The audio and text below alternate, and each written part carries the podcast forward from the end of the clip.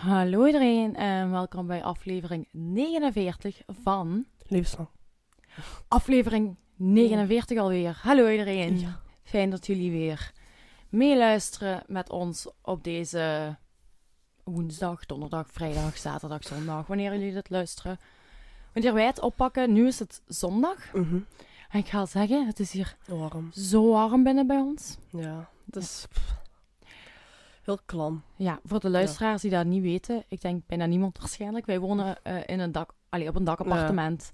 Ja. En het is hier binnen echt om te Sterven. sterven. We hebben wel erg komen. We hebben wel veel lawaai. Ja, en dat is volgens mij geplaatst voor de energiecrisis. Dus Ja. ehm, Ja, jammer. ja, jammer maar helaas. Dus wij doen het vandaag zo goed mogelijk als we kunnen in de warmte dat er, Ja. dat er hangt. Yes. En met dat we aflevering 49 hebben, gaan we ook bijna naar 50. Ja. En dan zitten we gewoon op de helft van 100. voor zij, allee, kijk, dit is mijn rekenwonder, voor zij die het niet zouden weten. Ehm, ik heb het even helemaal voor jullie uitgerekend. We zitten dan op de helft van 100. Wauw. Ja, dat is een leuk nieuws, want er gaat een specialere aflevering komen voor de 50ste. Ehm, ik kan op dit moment nog niet zeggen of die uit één of twee afleveringen zal bestaan. Dat zal tijdens de research allemaal wel ehm tevoorschijn komen. Mhm. Daarop is dat dus leuk nieuws. Daartegenop, daartegenover stellen we ook even iets minder leuk nieuws. Voor even. Ehm, na de 50ste aflevering gaan wij heel even een kleine pauze pakken. Wat betekent dat wij ehm één maandje, Pff, zoiets, denk ik. zo één maandje of één aflevering ertussen gaan laten. Waardoor er eigenlijk een maand tussen de afleveringen Ah, zal zo, zitten. ja, Dus we gaan er gewoon één aflevering tussenuit laten vallen. Zodat we even twee weekjes verlof kunnen pakken. Ja. En dan vliegen we er weer in. Dus het is maar een, een, een mini-break. Ja. Ja. Ja, eigenlijk Ja, moeten ja. jullie een maand wachten op een nieuwe aflevering dan. Maar weet je, mijn stage is net afgerond. Mhm. Ehm, als jullie dit op woensdag luisteren, betekent dat dat ik morgen de verdediging van mijn eindproef heb. Ik begin begin juni onmiddellijk te werken. Juli. Juli, ik begin inderdaad begin juli onmiddellijk te werken onder contract. Dus ik kan het dan ook wel even gebruiken om dat eerst weer op een rijtje te krijgen en dan terug te focussen op de podcast. Oké. Maar buiten dat, eh, zullen we maar gewoon met de aflevering beginnen. Dat is goed. Ik heb u niet echt verteld waar het over gaat gaan deze Nee. keer. Hè? Nee. Nee. Wel, dan laat ik jullie allemaal gewoon mee in spanning wachten samen met Carlijn. En dan zullen we er Mhm. maar eens aan gaan beginnen. Hè? Oké.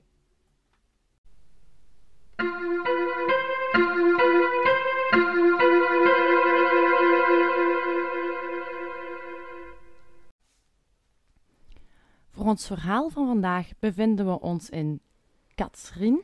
Katsrin, denk ik. En dat is een Israëlische nederzetting in het noorden van Syrië.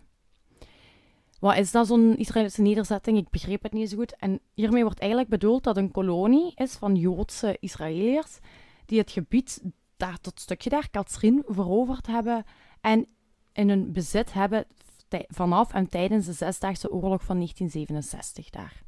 Dus eigenlijk is dat gewoon een, een soort Israëlische kolonie in Syrië. Oké. En je hebt er zo verschillende door het land, eh, maar die bij Katsrin, dat is wel de grootste. Dus wij bevinden ons eigenlijk wel tussen de Israëliërs, maar we zitten in Syrië. Oké. Ja? Oké, we bevinden ons in het jaar 2006 bij de Mhm. familie Rada. Dit gezin bestond uit vijf leden. We hadden Ilana Rada, de 45-jarige mama van het gezin. Dan hebben we de 50-jarige Shmuel, Shmuel, Shmuel Rada. Ja, het zijn Israëlische namen. Ik ben er niet fantastisch in. Ik heb ze wel eens door Google Translate gehaald en zo, maar dan... Ja, Nee. het, het spijt me heel erg voor de luisteraars onder ons die wel weten hoe ik het uitspreek. Maar goed. Dus dat zijn mama en papa van het gezin. En dan hebben ze ook nog drie kinderen. Dit zijn Roy en Oad, hun twee zonen. En Tair, hun jongste kind en tevens enigste dochter. Mhm. En in 2006 is Tair 13 jaar. Oké. Eigenlijk verliepen alle jaren daar voor het gezin heel vredig en rustig. En Tyre is ook echt hun, hun oogappel. Haar naam betekent ze zal oplichten. En dat is eigenlijk ook precies wat ze doet als ze zich onder de mensen begeeft. Ze stond vaak in het middelpunt van de belangstelling, van de aandacht. Ze hield van muziek, drama en met drama bedoel ik het vak, drama. Niet Mm, gewoon dat ze hield van drama en haar vriendengroep of zo. drama. En ze was ook nog eens een hele goede danseres. Daarbovenop was Tyra ook nog, Tyr nog een heel mooi meisje. Als je ook foto's ziet, ze is ehm, een lang donker haar, donkere ogen, fijn gezicht. Je ziet er gewoon als een heel lief, mooi meisje uit eigenlijk. Mhm. En door haar schoonheid, intelligentie en talent. Dus dit was eigenlijk zo'n meisje dat alles Kom. mee had. Allee, zo leek het dan toch, hè. Mhm. Daardoor kwam het ook wel eens voor dat andere meisjes uit haar vriendengroep wel eens ja, jaloers konden worden. Want hoe zijn pubers? Mhm, hè, het kan ja, altijd gebeuren. Nu, die conflicten gingen ook altijd wel heel, heel snel liggen. Dus dat duurde nooit lang. En al bij al had Tyre vrienden waar dat ze op kon rekenen. In het jaar 2006 ging Tyre naar de Nofi Golan middelbare school. In, het Golan, in de Golan hoogvlakte, vlakbij haar thuis. Dus Katsrin ligt in de Golan hoogvlakte. Dat is gewoon een, een, een gebied met bergen en dat noemen Ja. ze de Golan ehm, hoogvlakte. Ja. Ja, en dat was echt vlak bij haar thuis, waardoor ze dan ook gelijk dat de meeste kinderen uit de buurt te voet naar school ging daar. Ja. En Tyre had zo wat een, een soort van vast ritueel dat ze eigenlijk altijd uitvoerde ehm, als ze van school terugkwam. Want eenmaal thuis belde Tyre eigenlijk altijd haar mama om te laten weten dat alles in orde was. Dat ze veilig thuis was, dat alles goed was. En dan wist die mama dat ook van, oké, mijn dochter is veilig thuis. Mhm. Iets wat ik vroeger trouwens ook heel vaak deed. Ik stuurde mama altijd een bericht van, hey, ik ben ergens veilig aangekomen. Ik zie u nee schudden. Deed ik dat? Denk het niet. Nee? Nee, dat kan, hè. Ik weet niet. Ik ging misschien ook niet veel weg. Nu, alleszins als nu nog heb ik de gewoonte als ik mijn ouders heb gezien en ik ben thuis, dat ik even stuur van, hey, ik ben veilig thuis. Ah. Ik doe dat nog Ja, al. Ja, ik doe dat. Ja, dat is echt een gewoonte bij mij. Dus ik kan me daar wel heel goed in vinden. Nu, Tyre deed dat meestal, niet altijd. Hè. Pubers zijn, zijn en blijven pubers en soms Mhm. was ze gewoon met andere dingen bezig. Dus als dat is niet gebeurd, dan was de mama, was Ilana ook niet meteen in paniek of zo. Hè. We bevinden ons dan op woensdag 6 december 2006. Ja. En Mhm. ook deze dag zou eigenlijk weer datzelfde ja, soort van ritueeltje plaatsvinden. Hè, van dat ze zou thuiskomen en dat ze zou Mhm. bellen. Maar Ilana, de mama, is op haar werk en Tyre belt niet naar huis. Ja. Nu, zoals ik zei, Mhm. betekent dat niet meteen iets, want ze deed dat ook niet Altijd. 100% altijd. Dus wanneer dat Ilana die woensdag namiddag thuis komt, verwacht ze haar dochter te zien. Maar het is- allee, ze is niet in paniek of zo. Ze verwacht van, Mhm. ah, die is wel thuis. Ja. Ze heeft me niet gebeld, maar eh, kom, maakt niet uit. Toen, maar toen Ilana thuis binnenkwam, zag ze geen enkel teken van een boekentas dat ergens stond. Of een vuil bord van dat ze een, Ja. een tussendoortje had gegeten of mhm. zo. Wat dat erop wees dat Tahir dus Niet thuis. niet thuis was. En dat was toch iets waarvan Ilana zoiets had van... "Mm, dat is niet echt mijn dochter. Dat is, Mhm. dat is n- niet normaal voor mijn, mijn dochter. En op dat moment besloot Ilana om naar de gsm van Tyre te gaan bellen, naar haar dochter. Maar Tyre die neemt niet op. Mhm. Goed, de mama nog niet super hard in paniek besluit eigenlijk dan maar om de vrienden van Tyre op te gaan bellen. Hè. Misschien wisten zij wel waar Ja. ze was. Die waren allee, tenslotte samen op school en zo geweest. Hè. Mhm.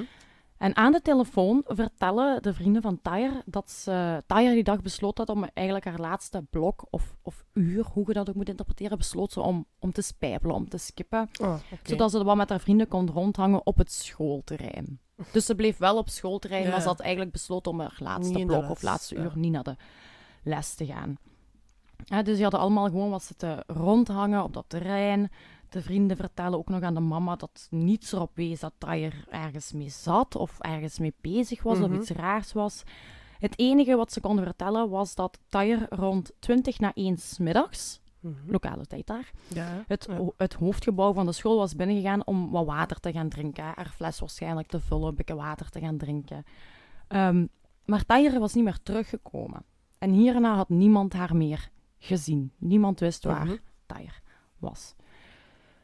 Ilana blijft wachten en minuten worden uren. En op een bepaald moment heeft de mama zoiets van, dit klopt niet. Ja, ja. En ze brengt dan haar man en zonen op de hoogte. Want ook de twee zonen waren enorm beschermend ten opzichte van hun kleine zusje natuurlijk. Mhm. Ehm, dus de papa, de zonen, die komen onmiddellijk naar huis. En ze beginnen eigenlijk te zoeken dus naar hun vermiste dochter slash zus. Ja. En al heel snel zijn ze niet de enigste die aan het helpen zijn, want dat gaat natuurlijk de buurt rond. En zowel vrienden, familie, buren en collega's, iedereen in de buurt van Tyers woonplaats, hielp eigenlijk met zoeken. Ze doorzochten de straten, pleinen, velden, alles, maar niks wees erop dat, dat het 13-jarig meisje daar, daar geweest was. Ze vonden geen Mhm. spoor van haar. Ook de politie werd verwittigd en ook zij kamde onmiddellijk de buurt op en contacteerde dan ook nog maar eens de vrienden van Tyre om ook nog eens het verhaal van, van Ja. hun te horen. Al die vrienden vertelden allemaal opnieuw hetzelfde verhaal, dat Tyre dus naar binnen was gegaan om wat te gaan drinken. Al die verhalen kwamen overeen. Maar de politie besloot ook met een aantal andere studenten te gaan praten in deze Ja. eerste uren eigenlijk. En daar kwam uit dat een aantal studenten hadden gezien hoe dat ze de trap pakten naar het, het middenste verdiep van de school eigenlijk, ehm, waar het eigenlijk het, de studenten van het vierde middelbaar les hadden. Ah, Omgerekend, sorry voor de Nederlands luisteraars, ik weet niet wat dat is, maar het pak, dat was de leeftijd van de 15, 16-jarigen. Dus zij ging naar een verdiep waar dat zij eigenlijk ook geen, Ja. Ehm, zelf geen les had, want Nee, zij nee. was nog maar 13. Maar goed, ze had daar naar boven zien gaan, naar dat verdiep. Niks aan de hand. Dat was Ja. het. Maar daarna wist niemand wat er met haar gebeurd was. Ehm, en natuurlijk had het de politie en de familie zoiets van hoe sneller we beginnen zoeken en hoe sneller we alles uitkwamen, hoe meer kans dat ze hadden om, om Tyre gezond dan wel terug te vinden, natuurlijk. Nu, de vrijwilligers die dus hielpen met zoeken, dus al die familieleden, die buren, haar collega's, die hadden zich verspreid in verschillende groepjes en gingen op die manier verschillende plaatsen uitkammen. En één van zo'n groepjes, dat waren dan vrienden en buren van de familie, besloten om in de school zelf te gaan zoeken. Hè? Want Mhm. wie weet was Tyre gewoon nog ergens Ja. binnen daar. Het is iets voor zeven uur s'avonds op 6 december, wanneer dat, eh, dat groepje eigenlijk de school binnengaat. Het is donker, koud en ze hebben zoiets van, we moeten nu gaan zoeken. En ze zochten daar door de donkere, lege gangen, de klaslokalen, op zoek naar Tyre, maar nergens, nergens ook maar één spoor van het meisje. Nu, uiteindelijk herinneren mensen zich in die groep van, ah, hè, maar er zijn studenten die gezegd hebben dat ze haar voor het laatst de trap naar, naar het verdiep van, de, van het vierde middelbaar heeft zien Mhm. nemen. Dus Dat misschien klopt. moeten we daar ook eens gaan kijken. Dus ze gaan naar dat verdiep, hè, weer de gangen leeg, klaslokalen leeg. Mhm. En dan besluit ze om, om de vrouwentoiletten, eigenlijk de meisjestoiletten, daar binnen te lopen. En alle hokjes open te Ja. duwen en te kijken. Ja. En al die hokjes die waren leeg op één na. En die zat op slot. Ja. Goed, je moet ook wel weten, het is daar binnen donker, dus ze zien niet supergoed. Ehm Oké, die ene zit op slot. Wat doen die? Die kijken zo onder, het, onder de deur door en die zien wel effectief dat daar iemand in dat kotje Zit. is, Ja, zit. Hè? En ze beginnen die persoon eh, toe te spreken van hallo, hallo, maar er kwam Geen geen antwoord. En toen hadden die zoiets van, oeh, Ja, ja. dat is, dat is niet helemaal juist. Wij moeten toch, misschien moeten we toch proberen te kijken van wie dat daar in dat hokje zit. Want ja, op dit moment natuurlijk.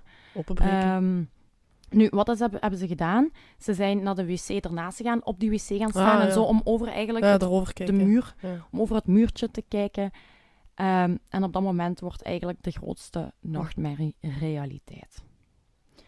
Tyers verminkte lichaam hing over het gesloten toilet heen en ze zag er ja, gewoon gruwelijk uit. Er hing overal bloed in dat kotje, hè, overal de- aan de muren, op de vloer, op de wc, op de deur, overal. En Tyre die bleek echt wel gruwelijk vermoord te zijn. Hier Mhm. komt een kleine beschrijving van hoe ze haar gevonden hebben. Moest je dit moeilijk vinden, skip dan echt misschien 20 seconden of zo maar, want het is gelukkig niet heel veel. Ehm, het bleek dat Tyre haar keel twee keer was doorgesneden. En ze had meerdere steek- en snijwonden op haar lichaam, voornamelijk op haar gezicht, op haar torso en op haar handen. En zo hebben ze Mhm. haar dus gevonden, keel twee keer doorgesneden en dan overal nog verschillende steek- en Mhm. snijwonden toegebracht. Ja, dat groepje besluit om de politie te bellen en binnen enkele minuten ehm, komt de politie aan. En dan is het eigenlijk rond zeven Mhm. uur s'avonds. Maar rond diezelfde tijd wordt ook Shmuel, de papa van Tyre, opgebeld. Met natuurlijk het Mhm. nieuws dat zijn ergste nachtmerrie bevestigd werd. Nu, initieel aan de telefoon werd hem blijkbaar verteld dat ze Tyre gevonden hadden en dat ze bewusteloos was. Dus ze hadden niet gezegd dat ze haar dood hadden gevonden. Maar Shmuel, die wist wel beter. Hij wist gewoon dat zijn enigste en jongste dochter vermoord was. Shmuel die haastte zich naar de school samen met zijn zonen, samen met de mama. En hij wou daar naar binnen gaan. Hij wou zijn dochter kunnen zien, omdat zolang hij ze niet had gezien, had hij het gevoel dat hij Mhm. niet kon beseffen of van dat, ze, dat ze er niet meer was. Maar de politie wou hem niet binnenlaten. Hij probeerde zich, wat te zich naar binnen te forceren. Hè, van ik moet zeker zijn dat dat mijn dochter is, dat ze, dat ze niet meer leeft, ik moet dat weten.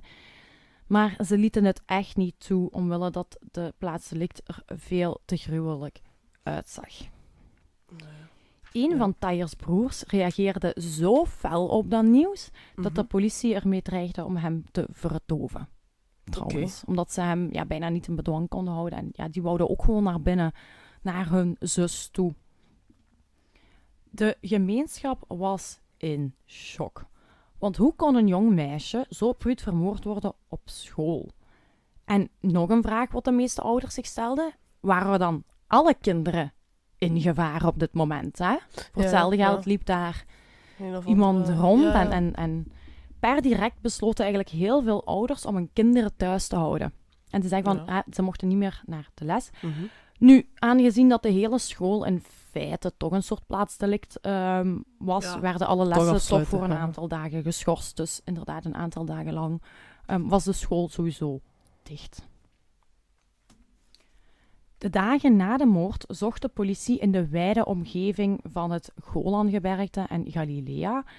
En dat was eigenlijk iets wat de gemeenschap wel wat in vraag stelde, want waarom focusten de onderzoekers zich niet gewoon op de school en de directe omgeving waar het gebeurd was? Nee, zij begonnen de wijde omgeving uit te kammen, maar niet per se echt de school en het schoolgebied zelf. Oké, er werd wel wat.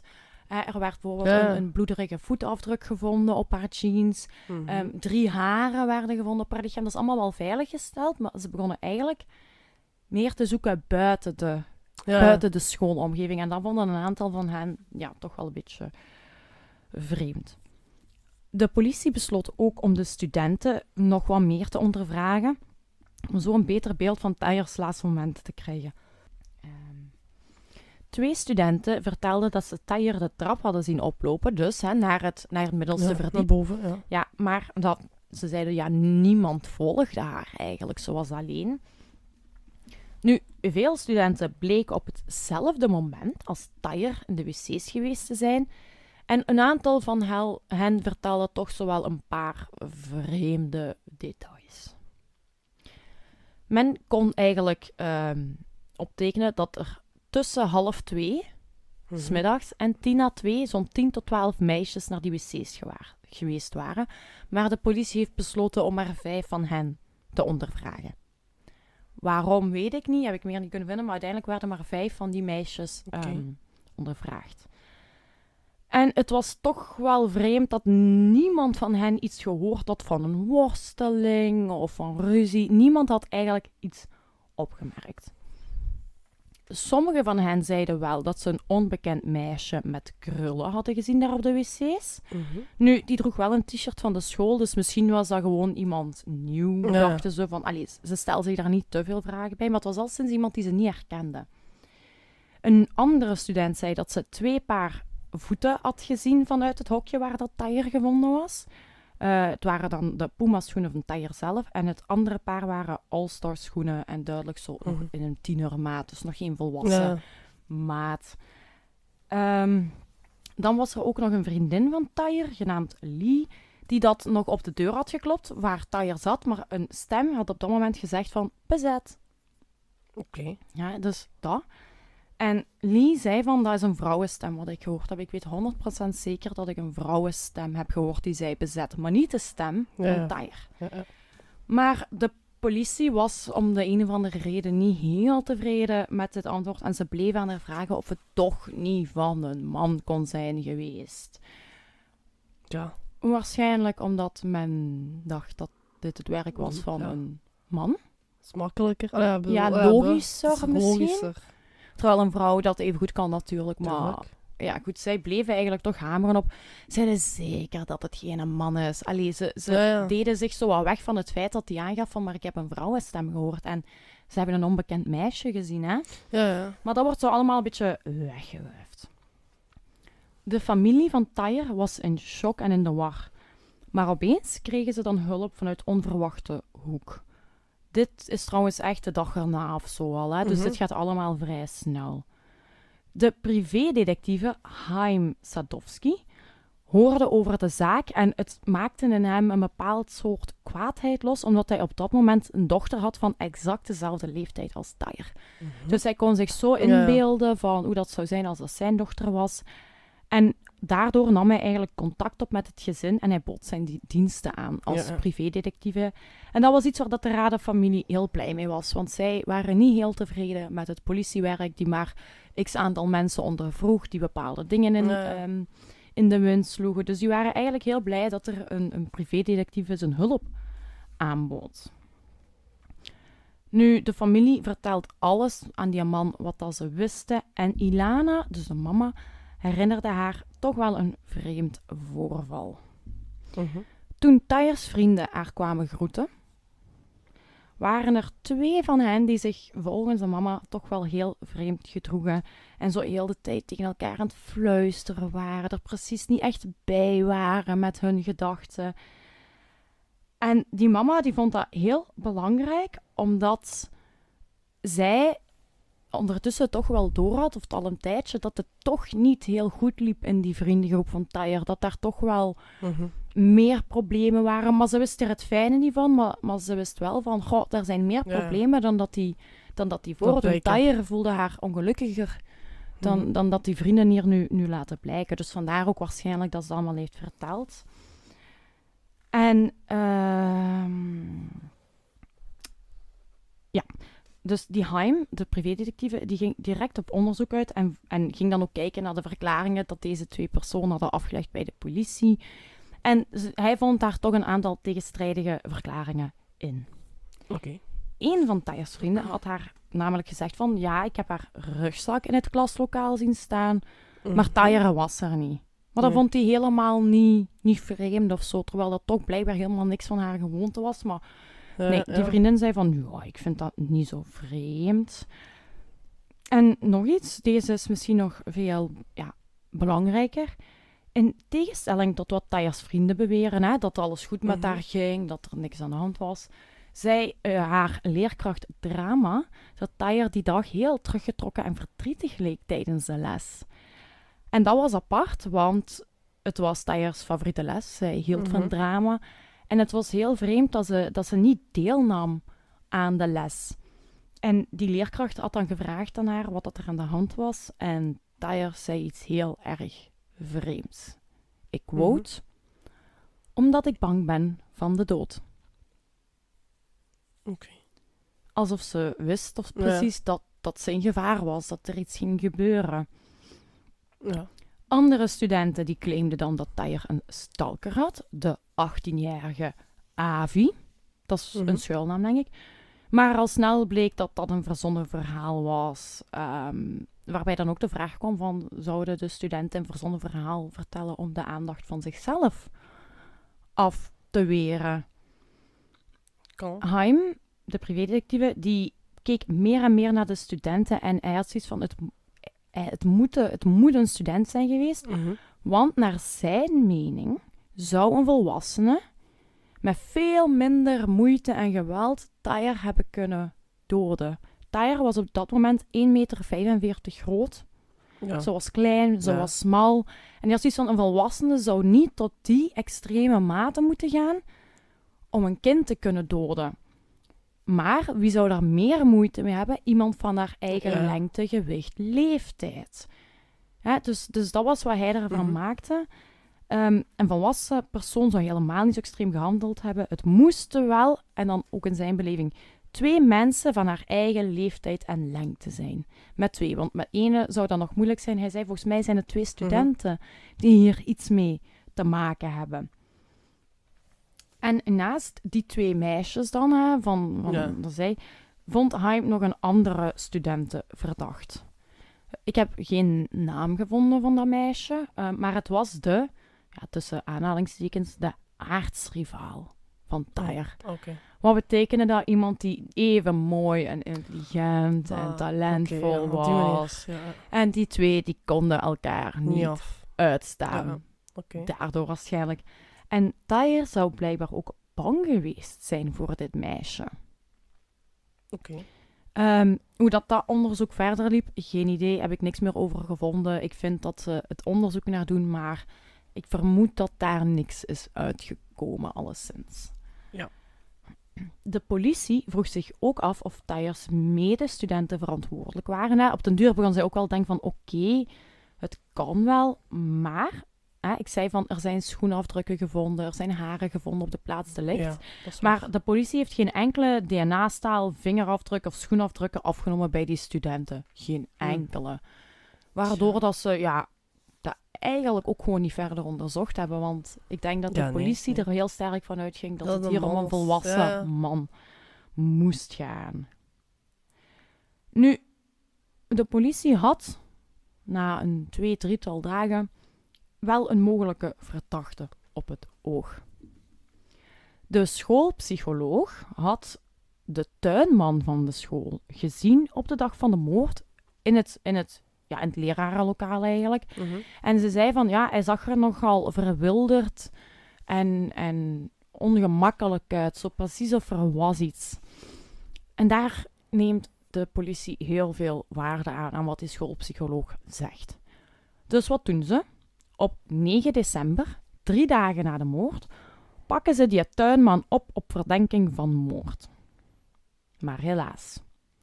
De man bleek een waterdicht alibi te hebben en na twee dagen werd hij dan ook weer vrijgelaten. Ze konden hem niet tegenhouden. Maar diezelfde dag dat hij wordt vrijgelaten, op 11 december, Mhm. komt er een andere man in het vizier van de politie terecht. Iemand die sprekend leek op de tuinman. En wat denken zij? Goed, die psycholoog heeft iemand gezien. Ja. Dat is voor hun bijna hun hoofdreden van waarom ze erachter gaan. En misschien heeft ze die verward en was dat niet de tuinman, maar deze Mhm. andere man die daar gewoon op leek. Want hè, hun hele Ja. dingen was eigenlijk wel een beetje gebaseerd op die psycholoog Ja. heeft dat gezien en die zegt dat. In dit geval ging het om de toen 28-jarige Roman Zodorov. Ehm, vaak vind je het terug als Zadorov, maar ges- eigenlijk is het Zodorov. De A moet je weglaten, Zodorov. En hij was een Oekraïense immigrant die dat een klusjesman was op de school van Tyre. Mhm. Roman was getrouwd met zijn high school sweetheart, Olga. Mhm. En hun zoon werd in november 2006 geboren. En dat was eigenlijk iets minder dan een maand voordat Tyre komt te overlijden. Mhm. Nu, Roman werkte in het zwart, aangezien dat zijn visum het niet toeliet om legaal te mogen werken in, eh, in die plaats, in Katsrin daar. Ja. Ja. Ehm, dus hij deed het in Mhm. zwart, dus hij kreeg al eens cash uitbetaald. De school wist dat en dat was ook oké. Hij moest natuurlijk wel zorgen dat hij zeker uit de problemen bleef. Ja, ja. Want eh, je zei dan in het zwart aan het werk als er dan iets gebeurt. Dus daar moest hij wel heel erg rekening mee houden. En omdat deze man zo hard leek Op die de ander, tuinman, ja. besluit ze hem om hem diezelfde dag op 11 december eh, nog op te pakken op verdenking van de moord van Tyre. De politie wou gelijk ook Romans kleren in beslag nemen die hij op 6 december aan had. Maar Roman vertelt van, ja, ik heb die kleren niet meer. Ik heb die weggegooid. En dat vond de politie dan toch wel, ja, heel verdacht, werden achterdochtiger, want misschien heeft hij dat gedaan om, hij heeft dat gedaan om iets te Mhm. verbergen, denkt de politie. Dit is, dit is bewijs. En ze besluit eigenlijk om van daaraf Roman heel intensief te gaan ondervragen. En echt daarmee bedoel ik uren Ja. aan een stuk. Roman ontkende de moord en Mhm. hij begreep eigenlijk helemaal niet waarom dat hij gearresteerd was. Ehm, hij werd Ja. ondervraagd, maar hij zei van, ik heb dat niet gedaan, waarom ben ik hier, waarom verdenken jullie mij, op basis van wat?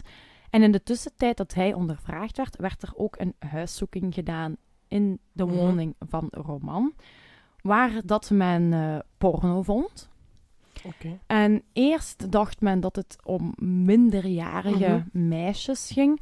Maar al vrij snel eh, wordt er van de kaart gewicht. Het was gewoon eh, Ja. met volwassenen. Het, wa- het was gewoon Legaal. porno. Daar was niks mis mee. En daarnaast vonden ze in zijn huis een hele verzameling aan messen die uitgestald waren.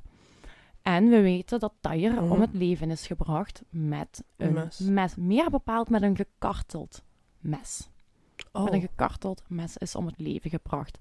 Ja, die zien daar al die messen liggen, heel veel soorten. Die denken, ja, gotcha. Ja. Nu, wat bleek, Roman bleek gewoon een vervente verzamelaar te zijn. Mhm. Maar ja, aangezien dat thuisverwondingen veelal van een mes kwamen, vonden de onderzoekers het toch verdacht. En daarop besluit ze ook om hem langer te gaan vasthouden. Om hem nog langer Mhm. te kunnen ondervragen.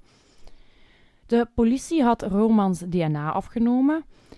En via de media werd eigenlijk vrijwel direct verspreid dat het overeenkwam met het DNA dat men gevonden had op de plaats delict. Met ehm, Ja. het haar of wat dan ook, maar het Mhm. kwam overeen. Alleen was dat niet waar, want de testresultaten waren op dat moment nog helemaal niet onderzocht en binnengekomen. Maar de, Ro- de politie besloot toch om te bluffen tegen Roman, want zij had zoiets van, dit is Ja. de man. Dus wat vertellen zij hem? Zij zeggen dan van, maar kijk, we hebben nu DNA gevonden, de onderzoeksresultaten zijn er, wij weten dat jij daar bent geweest. Hoe leg je dat uit? Roman die bleef volhouden dat hij het echt niet kon zijn. Hij zegt, ik word hier volgens mij gewoon geframed door jullie. Ik, ik Mhm, heb dat ja, ja. echt niet gedaan. Ik was daar niet.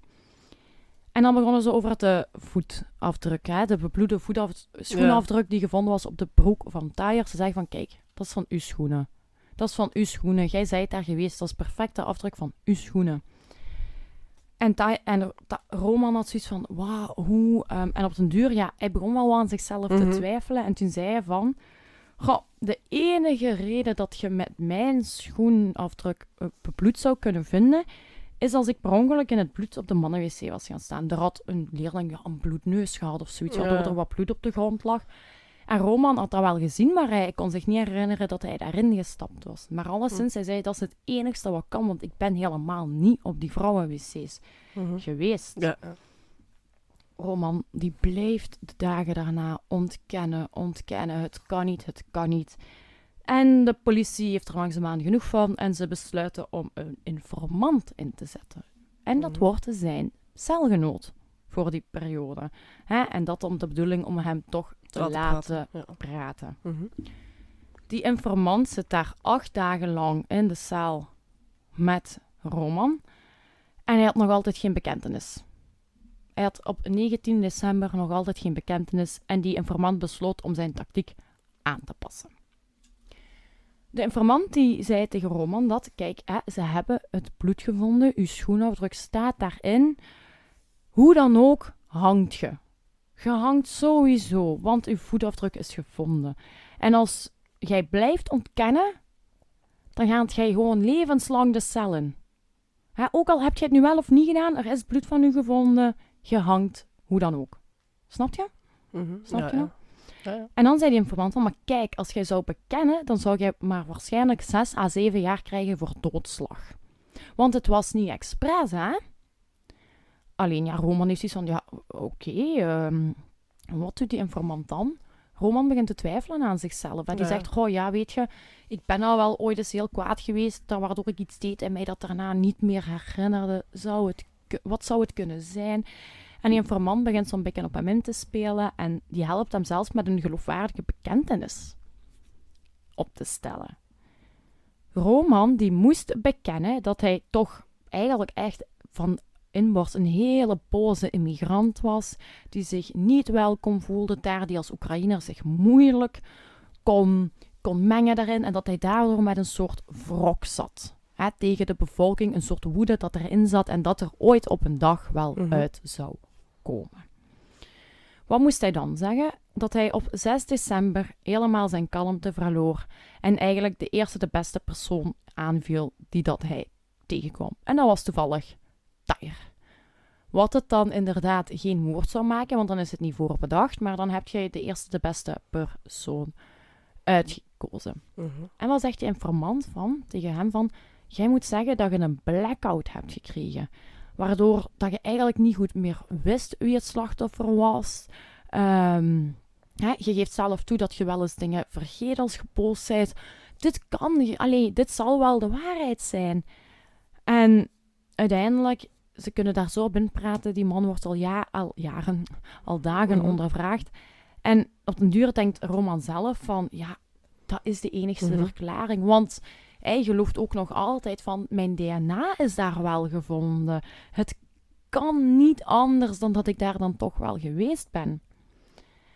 Nu, Roman die bleef nog wel een beetje twijfelen, want hij had helemaal geen bloed op zijn kleren, ook niet op zijn schoenen. Daar was geen bloed onder gevonden, Ja, dus hoe dat, dat dan een afdruk kon zijn, wist hij niet.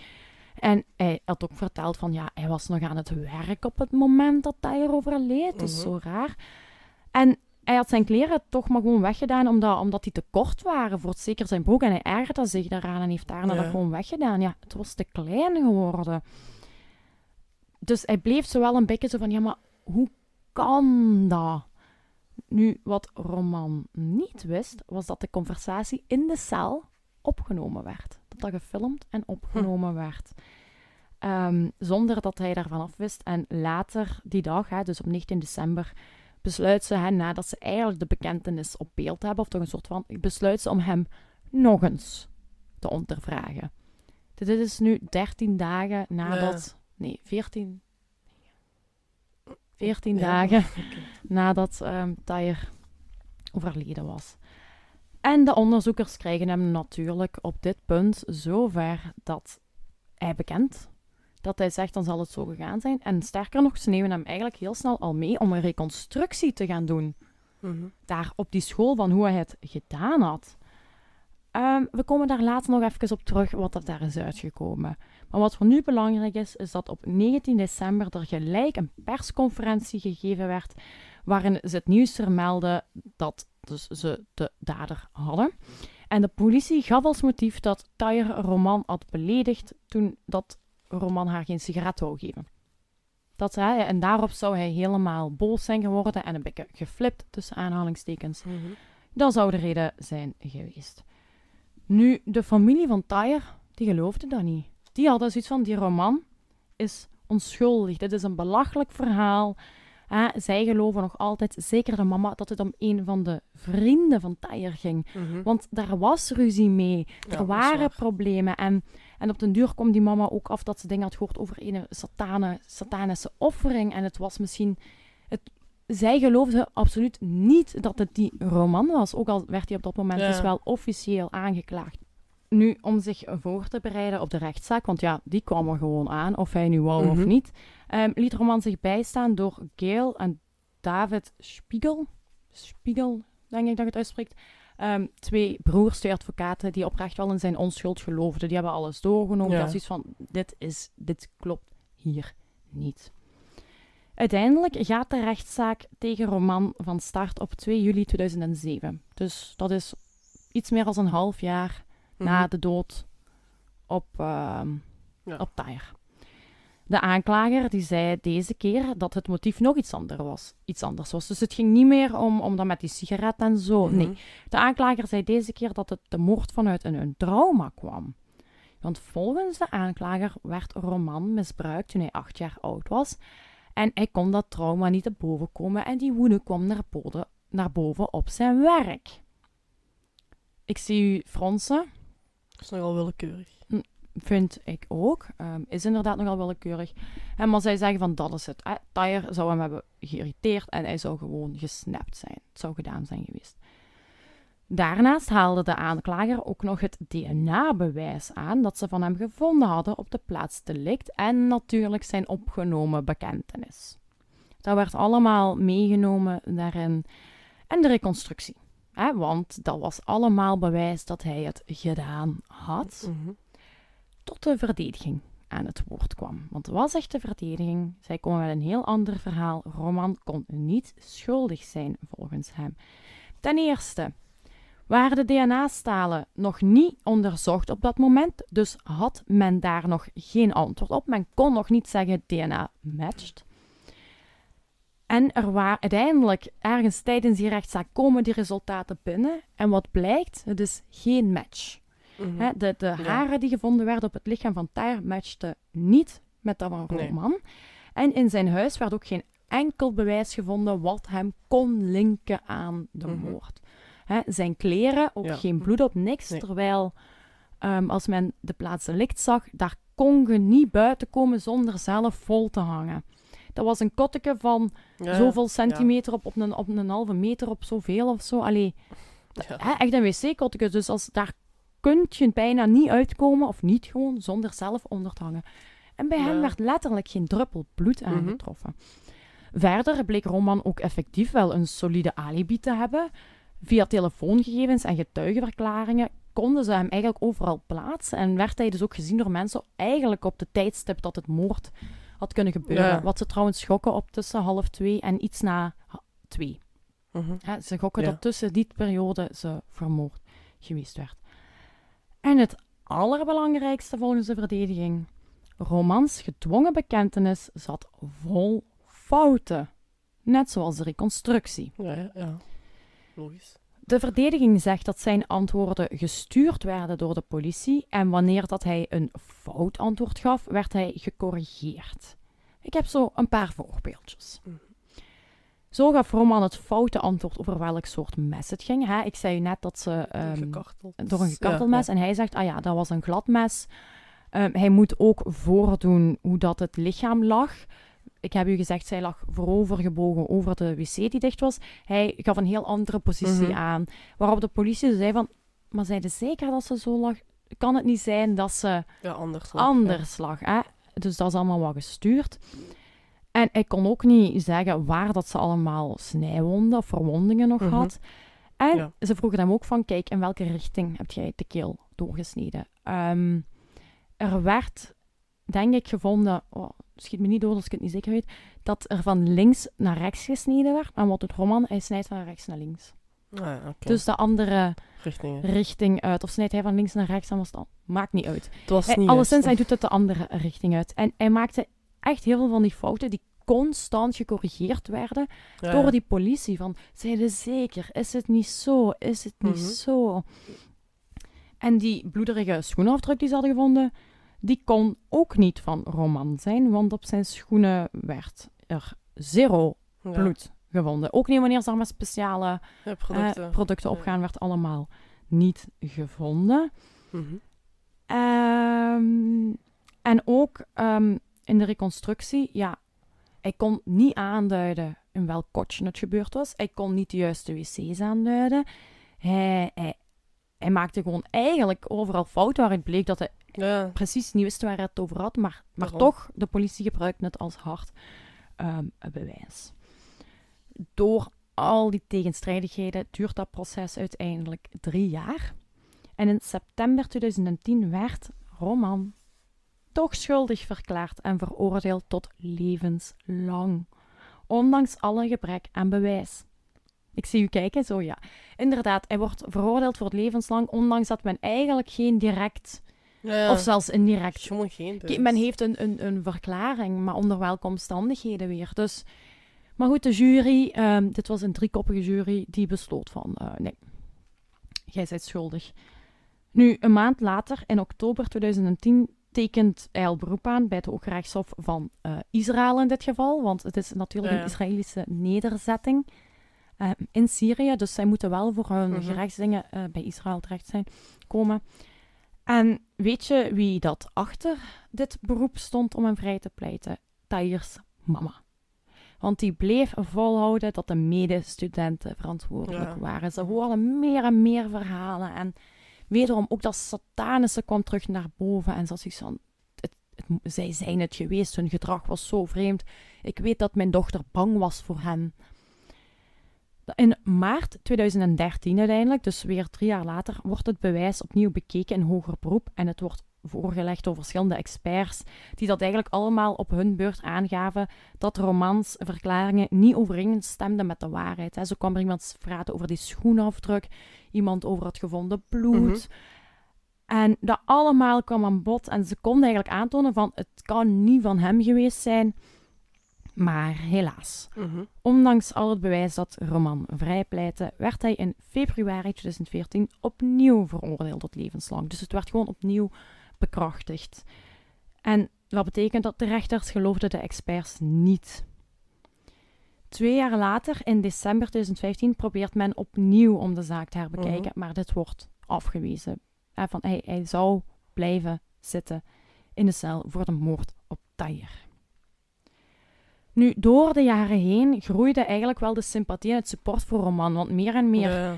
Bewoners hadden zoiets van: het klopt gewoon niet wat jullie zeggen. En, en hoe kan die man veroordeeld zijn zonder concreet Bewijs. bewijs? Er zijn tig experten die zeggen Dat, kan, dat, het, kan dat het niet kan. We weten allee, dat, dat de be- bekentenis onder Ja. dubieuze omstandigheden is gekomen. En toch wordt hij veroordeeld. En dat publiek, dat komt hem niet echt in opstand, maar ze houden wel zo een protest daarvoor. Ja, ja. En, en ze doen dat wel. En mensen beginnen een beetje op hol te slaan. Zo worden er over de jaren daarna ook nog twee klasgenoten van Tayer valselijk beschuldigd.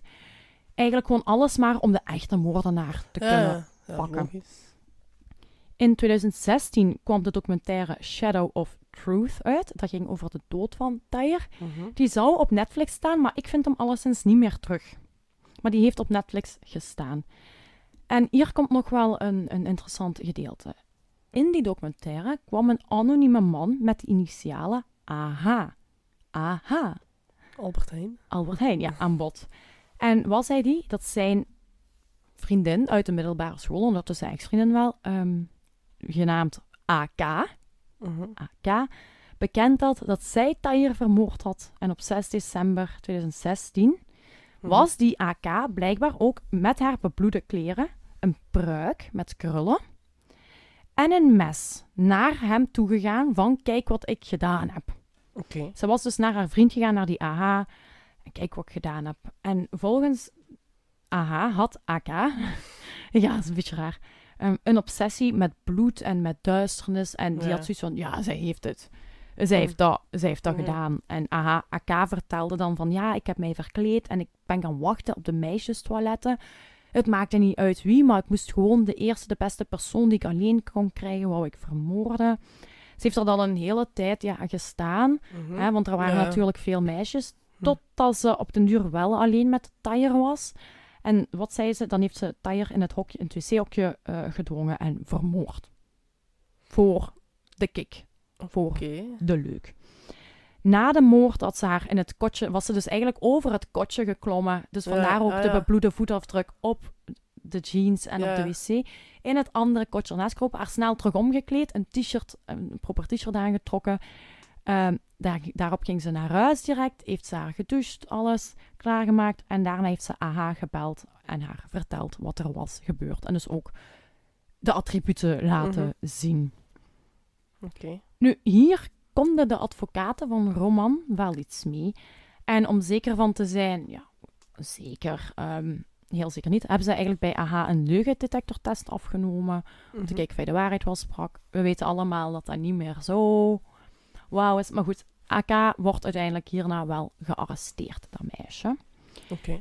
Ja, zij ontkent natuurlijk alles en claimt dat het omgekeerd is. Dat dus haar ex-vriend de dader was Ah, en niet oké. zij. Nu, die AK wordt onder huisarrest geplaatst, hè, met waarschijnlijk een enkelband. Ehm, maar dan gebeurt er iets, een voorval, waarbij dat ze heel boos werd op haar toenmalige vriend, haar nieuwe vriend, en ze heeft geprobeerd om haar nieuwe vriend te vermoorden. Mm. Ja, de politie had wel zoiets van, oké, ze is in staat tot, hè, ze, ze ondervragen het meisje nog eens, en op dat moment geeft ze toe van, ja, inderdaad, ik heb Tayer vermoord. AK wordt ontoerekeningsvatbaar verklaard en naar een psychiatrisch ziekenhuis gebracht, maar ze wordt nooit aangeklaagd voor de moord en Roman blijft zitten. Ja. Hè, dus hij blijft, hij blijft zitten, zij bekend, maar goed, ontoerekeningsvatbaar. Ik vermoed Ja. dat de politie er niet... Ik denk dat zij nog altijd volop geloofde dat de dader achter slot en grendel zat en dat Ja. Oké, dit meisje had duidelijk wel wat, wat problemen en had hulp nodig, maar goed. Maar dan, in 2018, komt er een plot twist. Want een van de gevonden haren op het lichaam van Tahir wordt gematcht met het DNA van AH. Aha. Van de vriend AH. Het wordt gematcht. Wat denken ze? Oké, misschien probeerde hij, haar, hij zijn vriendinnetje dan toch wel te framen. En anderen zeggen van, ja kijk, dat was wel een koppel. Het is niet zo heel raar als er een haar van die AH op AK zou zitten. En dan zou daar dan terechtkomen. Mhm. hè. Mm, ja. In hoeverre, ik bedoel, ze leven samen. We weten allebei, ik met mijn krulhaar. eh, Ja. Jij vindt ook overal haar van mij terug. Dat Dus in principe kan het wel. Maar het is toch wel vreemd dat zijn DNA op haar gevonden is. daarop gevonden. Juist op haar gevonden is, net daar. Ehm, in 2019 wachtte men nog op verdere testresultaten van de haar dat onderzocht werd. Maar ik heb daar voor de rest niks meer van kunnen vinden. Dus volgens mij is daar niks uitgekomen. Bleek dat dan toch allemaal niet zo te zijn. Mhm. Ik weet het niet. Nu, door al die zaken kreeg Roman wel opnieuw aandacht. En op 11 mei 2021 vorderde het Hoge Rechtshof een nieuw proces voor Roman Zdarov. Mhm. Want op basis van het laatst bewijs bestond misschien toch de kans dat Roman onschuldig was. Vanaf 2011 mag hij ook uit gevangenis, wordt hij thuis met een enkelband onder huisarrest geplaatst. Mhm. Nog. Ja, ja. En nu gaan we naar zeer recent, dus die zaak die komt terug voor. Ja. En op 30 maart 2023, Ah, ja. dit jaar, werd Roman vrijgesproken en dan ook helemaal zonder enkelband vrijgelaten. 16 jaar na de moord en 13 jaar na zijn eerste veroordeling. En die Mhm. 13 jaar, dat is ook exact de leeftijd dat Mhm. Tahir geworden is. Sinds enkele maanden is Roman dus weer een vrij man. En iets waar dat Tahir's mama tot op de dag van vandaag nog altijd heel, heel blij om is. Ja. ja. Ze zei dat gerechtigheid eindelijk geschiedde, toch voor hem. En ze zei verder nog, ik quote... De volgende fase is om nu op zoek te gaan naar de echte moordenaars. En we weten waar we heen moeten. Ja. Daaruit blijkt dan toch dat de mama nog altijd een vermoeden heeft natuurlijk. Maar Tuurlijk. op dit, allee, op dit moment in de tijd weten we nog niet wie dan de echte moordenaar is. Tahir's papa, die heeft het niet meer kunnen meemaken, want hij is in 2016 overleden. Zonder dus te weten wat er echt Hmm. gebeurd was. Zonder te weten of die roman schuldig of onschuldig was. Ja, En tot op de dag van vandaag heeft men Tahir's moordenaar nog niet gevonden. Maar wie weet kan daar natuurlijk nog verandering in komen. Zal, Als er ooit verandering komt, houden we jullie op de hoogte via de socials. Ja. En dat was het verhaal van Tahir Rada. Ja. Wat vonden? Hmm. Wat vind ik? Dat... Hoe moet ik het zeggen? Eh, ja, dat ze zich er weer snel van afmaken. Zodat dat Ja. tunnelvisie ook wel van... Ja, van het- het- ah, de schoolpsycholoog zegt dat. Ah, die lijkt erop. Die moet het zijn. ja, daarom. Ehm, Gewoon, gewoon dat, dat- als dat geen psycholoog was of zoiets, hadden ze dat nog niet geloofd. ja. Denk je dan ook effectief dat hij onschuldig is? Ja. denk- Ja, ik, denk dat, ik, ik denk ook dat hij onschuldig is. En iets in mij vermoedt ook wel meer en meer dat het inderdaad gaat om, om klasgenoten of toch waarom zou dat niet kunnen? leeftijdsgenoten. Het kan, het kan Tuurlijk. perfect. En ik denk zeker, er zijn in die tijd niet genoeg DNA-sporen van de toenmalige studenten gehaald. Ze weten het niet voldoende. Nee, Dus, inderdaad. dus weet je, ik, ik vind het heel, heel bitter, want aan de ene kant is, is hoogstwaarschijnlijk een onschuldig man vrijgelaten. Dat is heel mooi.